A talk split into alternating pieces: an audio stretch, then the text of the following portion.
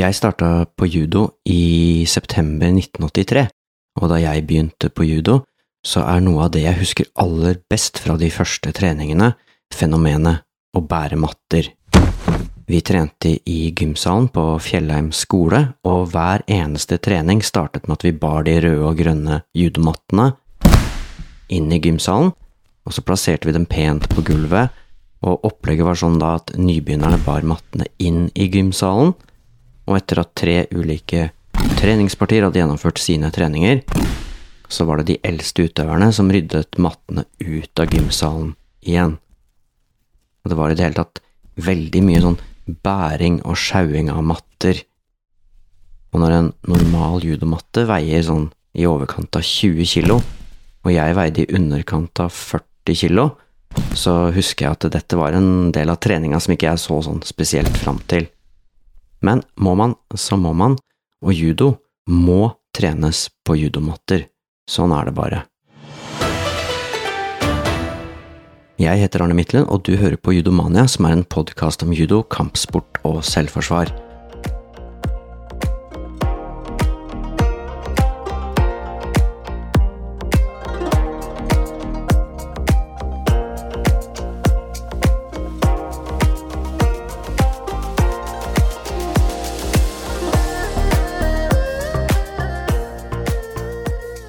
Vi har i en tidligere episode vært innom fallteknikk, og vi har også snakket om kunsten å være en god treningspartner.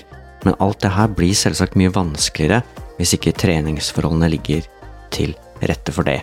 Og et av de absolutt viktigste elementene i treningen til en judoutøver er underlaget. Det gjelder selvsagt mange andre idretter også. Her skiller vi oss ikke spesielt ut. eh, Bare tenk på fotball eller 100 meter sprint, eller golf, eller motorsport, eller tennis, osv., osv., osv. Så det er klart at underlaget har noe å si, også i kampsport. Og i judo så er hovedoppgaven til underlaget å dempe fallet, og selv om judoutøvere kan bruke ulike former for fallteknikk, så er det viktig for å kunne trene og konkurrere uten altfor mye ubehag, at man har et gulv som er tilpassa aktiviteten.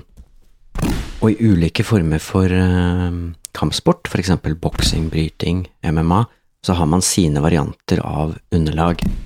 Men judo skiller seg i ganske stor grad fra disse kampsportene ved at utgangspunktet egentlig er noe som finnes, eller iallfall fantes, i de aller fleste japanske hjem, nemlig matter og på japansk så heter disse mattene tatami.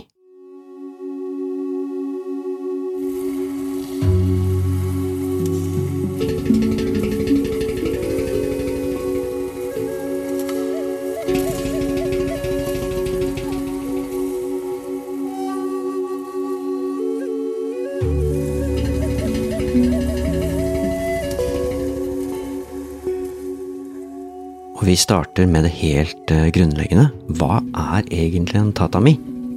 En tatami er rett og slett en matte. Og det japanske tegnet for tatami finner vi også igjen i et, eh, et verb. Og verbet er tatamu, og det betyr å brette. Og det gir jo egentlig god mening, siden en tatami er satt sammen av mange lag med strå fra risplanten, og så er det omgitt av et trekk lagd av et gresstrå fra noe som kalles for igusa-planten. Og det ytre laget med gresstrå er vevd sammen, og i gamle dager så vevde man selvsagt alt for hånd, men i våre dager er det heldigvis maskiner som står for dette arbeidet. Men det er veldig tidkrevende, og det tar omtrent 90 minutter å veve trekket til én matte, selv om du bruker en maskin. Dette ytre laget er altså lagd av noe som kalles for igusa-planten, og på latin så heter den juncus effusus, og det er en veldig vanlig gresstype, den finnes omtrent i hele verden, og på norsk så heter den lyssiv, og i gamle dager i Norge så ble disse gresstråene brukt som veke i oljelamper og lys, og dette gresstrået kan bli mellom 80 og 120 cm langt, og det egner seg veldig godt til fletting, og derfor har det også blitt brukt i Norge til å flette matter og til å lage diverse sånne sko Men en tatami er altså ikke bare en tynn gressmatte, den består av mer enn dette lyssivet eller igusa-gresstrået.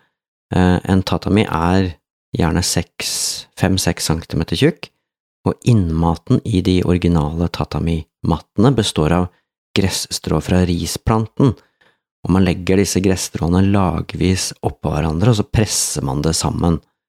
Og i utgangspunktet så er dette laget med eh, risplanter omtrent 40 cm eh, tykt, og så presser man det sammen sånn at det blir ca. 5 cm.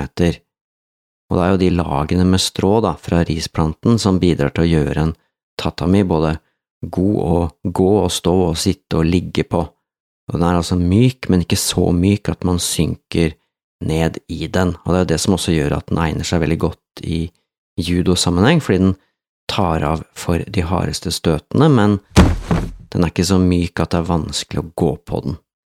De tradisjonelle mattene som brukes i private hjem, har en sånn naturlig lysegrønn, svakt lysebrun farge, som rett og slett kommer fra gresstråene som eh, mattene er kledd med.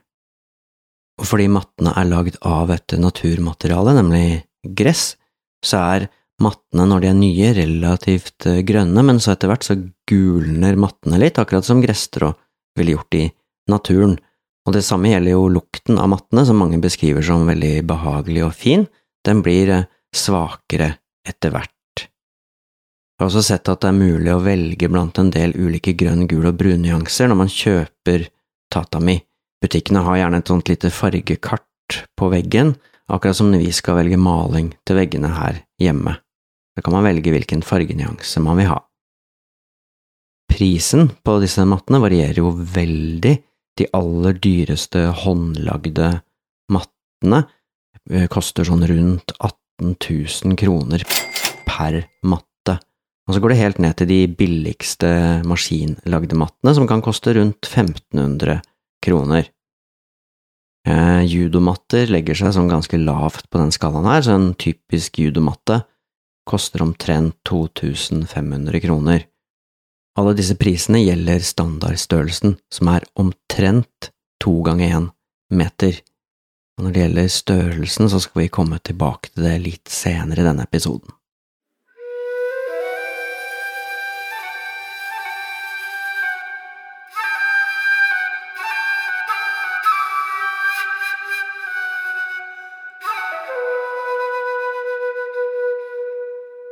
Tatami-mattene har en lang historie og de kan spores helt tilbake til noe som kalles for Nara-perioden. Og Nara-perioden var på 700-tallet oppover mot 1300-tallet, eh, og Nara var på mange måter den første reelle hovedstaden i Japan. Og På denne tiden kom også den eldste kjente japanske boken ut, den heter Kojiki, og den inneholder en del myter og fortellinger, og i den boken så nevnes også tatami-matter og det er den første skriftlige kilden i Japan som nevner tatami. Og boka kom vel ut rundt sånn veldig tidlig på 700-tallet, jeg tror det var i 712. Den eldste kjente tatami-matten i Japan tilhørte keiser Shomu, og han levde fra 701 til 756, og det er altså 1300 år siden. Og den matten ble brukt til å sove på, og den besto også av alle de delene som en moderne tatami-matte består av. Det var en kjerne som var lagd av risstrå, og så var det et trekk som var lagd av dette gresset, og så var det forsterkninger langs kanten på mattene. Og I utgangspunktet var mattene ment som underlag når man sov, altså som en slags madrass, og det var selvsagt bare overklassen og de adelige som hadde råd til denne typen matter, og det var jo sånn at bare de rikeste kunne skaffe seg noe som var såpass tidkrevende å lage og jo flere lag mattene var lagt i, jo desto rikere og mer velstående kunne man regne med at personen var. Og i løpet av de neste 700–800 årene, altså helt fra år 700 og langt inn på 1500-tallet, så var dette hovedmåten å bruke en tatami på. Tatami var altså matter som overklassen sov på. Når vi nærmer oss 1500-tallet, altså sånn, ja, si fra 13 til 1500, så ble det vanlig med såkalte Shoin-rom, og disse rommene har et sånt helt eh, unikt design hvor, eh, hvor eh, matter, eller tatami, er en viktig del av dette designet, og disse rommene hadde da hele gulv som var dekket med sånne matter. Og i utgangspunktet så var jo dette også forbeholdt eh, de aller rikeste, og disse rommene ble blant annet brukt til å lese eller tegne eller skrive eller studere. Og som dere kanskje skjønner, så utvider hele tiden bruken av tatami-matter seg, så på 1600-tallet så begynner man i enkelte boliger å legge sånne matter på gulvet i hele boligen, og nå er det ikke lenger ment som kun et underlag der man skal sove, og nå har iallfall overklassen råd til å dekke hele rom, og alle rom, med sånne matter.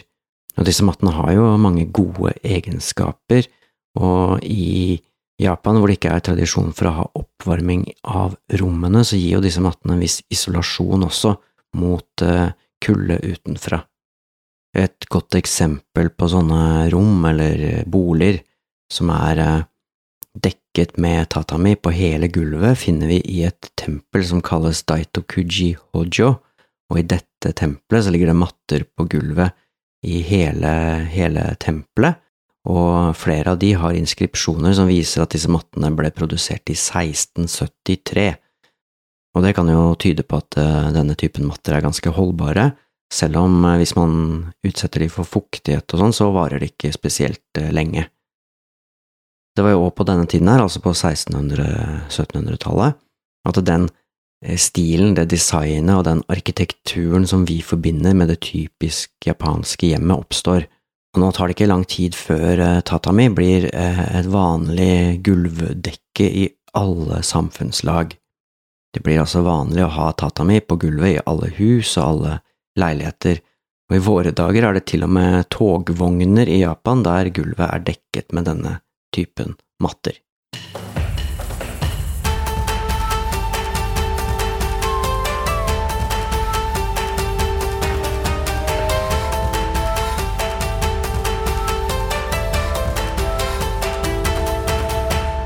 Da vi bar ut matter på Fjellheim skole da jeg begynte på judo, så la vi bare mattene i rader og rekker bortover i et sånt symmetrisk uh, mønster men det er faktisk mange måter å legge ut matter på, og det er ganske interessant at det ikke er tilfeldig hvordan de bør legges ut. Og hovedregelen er ganske enkel, mattekantene skal ikke lage et kryss. Det betyr i praksis at fire matter aldri skal legges, slik at hjørnene på de fire mattene møtes. Og det betyr også at man i enkelte rom bruker en halv matte for å få dette systemet på plass, og et eksempel på det er jo et sånt tradisjonelt tehus som består av fire og en halv tatami. Det som derimot er målet når mattene skal plasseres korrekt, er at tre matter møtes, slik at kanten på mattene danner bokstaven T. Altså, denne bokstaven finnes jo ikke på japansk, men den kan gi deg som hører på et bilde av hvordan det kan se ut hvis du ser det i fugleperspektiv. Og dette er selvsagt mye enklere å se for seg på et bilde, Derfor har jeg lagt ut et par illustrasjoner som du kan finne på nettsidene til Judomania. Det er bare å klikke seg inn på judomania.no, så kan du se der. Sånn rent historisk så skal denne måten å legge ut eh, mattene på ha blitt til i den såkalte Edo-perioden, og den varte fra 1600 til 1800, slutten av 1800-tallet, altså helt opp til Jigoro Kanos tid, og det er fortsatt denne måten å legge ut mattene på som gjelder hvis man skal gjøre det på den ideelle måten. Hvis man ikke gjør det sånn, legger de sånn som jeg er vant til fra Fjellheim skole blant annet, eh, så betyr det egentlig uhell og ulykke, og mattene i våre dager legges helst ikke ut sånn, bortsett fra for eksempel i begravelser og lignende seremonier.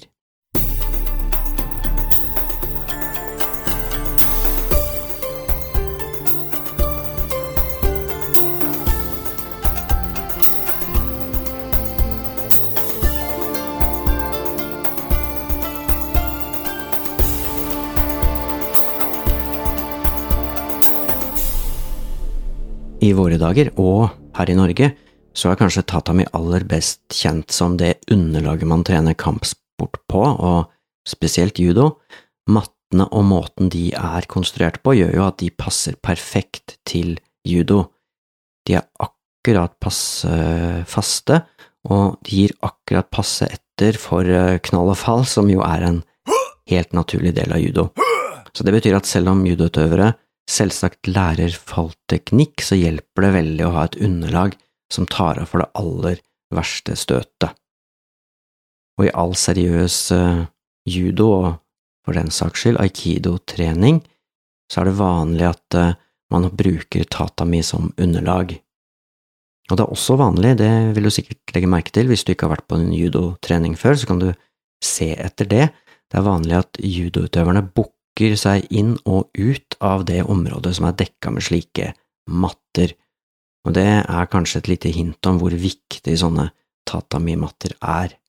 Jeg har trent judo på både gammeldagse og moderne judomatter, og jeg skal ærlig innrømme at jeg liker de nye mattene litt bedre enn de gamle, fordi moderne judomatter er en anelse mykere enn de gamle, ikke så mye, men akkurat passe, for blir de for myke, så blir de ubehagelige å trene på, ikke minst fordi et sånt mykt underlag hindrer mange av de naturlige bevegelsene som er så viktige i kampsport og i judo.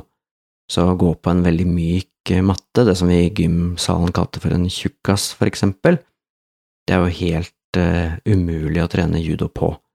Det man kan bruke sånne tjukke matter til, er jo selvfølgelig å kaste utøverne på, men da står man på en tatami, og så kaster man inn på en sånn tjukk matte. Moderne judomatter lages heller ikke av dette gresset og disse risstråene, det lages av mer moderne kunstmaterialer, og de har jo mange fordeler, blant annet er de mye mer holdbare og fleksible enn de gamle, ekte tatami-mattene. Men det Jigoro Kano trente judo på i sin tid, og det man trente judo på til langt inn på 1900-tallet, det var de tradisjonelle tatami-mattene som man finner i mange japanske hjem.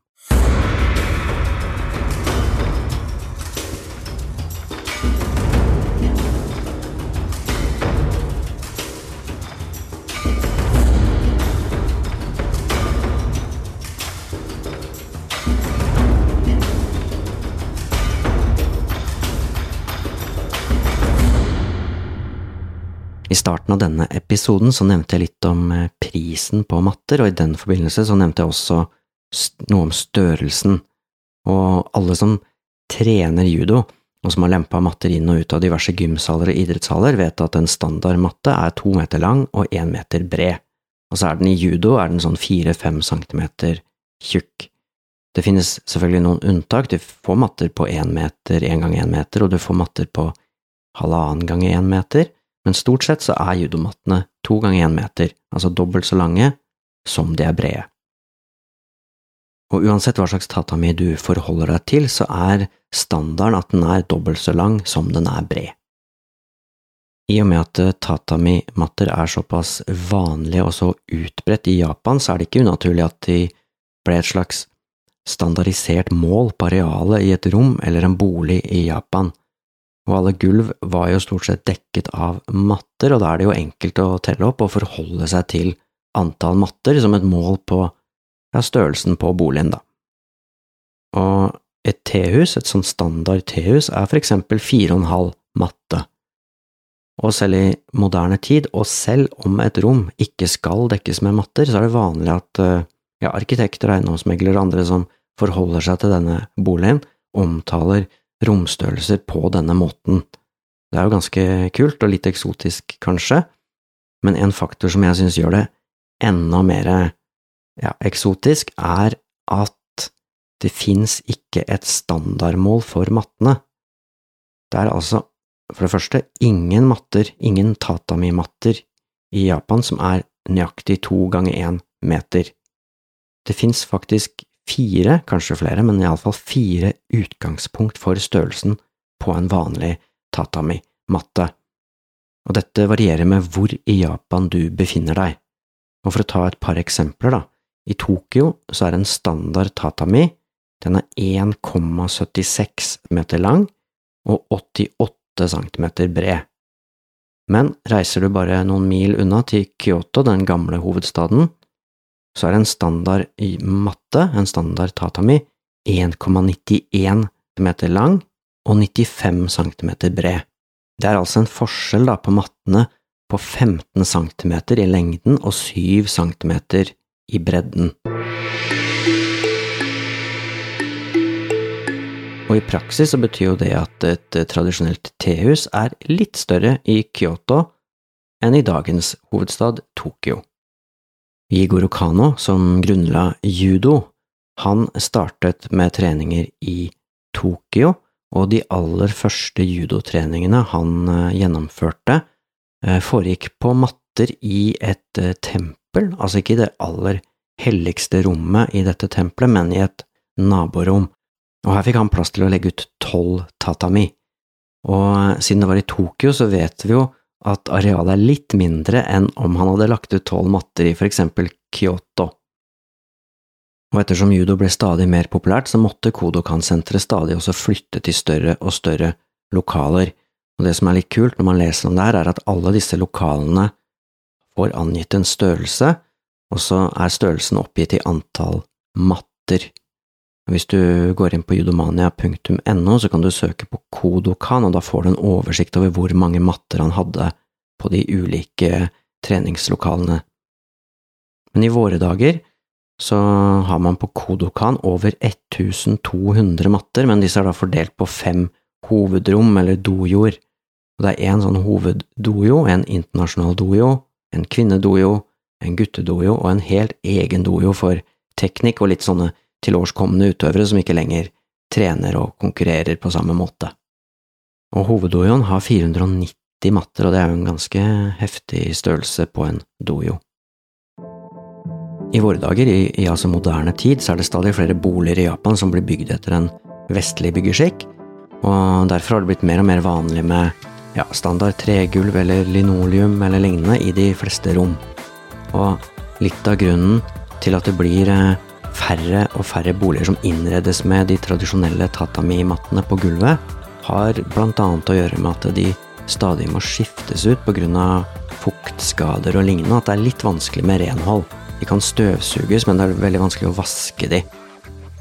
Men det er jo mange som vil eh, beholde litt av denne tradisjonen, og som innreder i hvert fall ett rom i leiligheten eller i huset med sånne klassiske tatami på gulvet.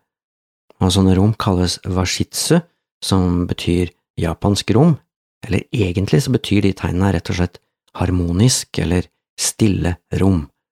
Og i moderne tid er det også sånn at man kan legge da tatami rett på et tregulv, og da kan man jo gjøre et hvilket som helst rom om til en washitsu. Og disse washitsuene de er jo innreda da på den litt minimalistiske måten som vi har lært å kjenne som typisk japansk.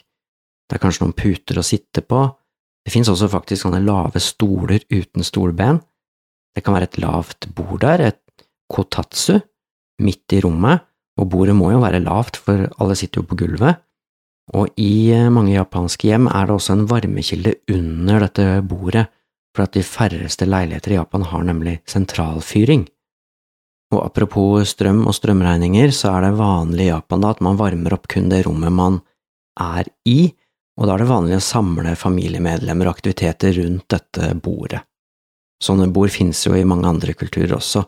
I Portugal og Spania så har man for eksempel mesa camilla, som er et lite, rundt bord med en varmekilde under. I Afghanistan så samles gjerne familien rundt noe som heter sandali, der man spiser sammen. I Iran har de korsi til det samme formålet, osv., osv. Men tilbake igjen til uh, washitsu-rommene i Japan. Som bortsett fra det som jeg har nevnt nå, med noen stoler og et bord og litt sånn, så er det fint lite interiør å snakke om. Dette er jo en del av den wabi-sabi-stilen som er så populær og typisk for Japan.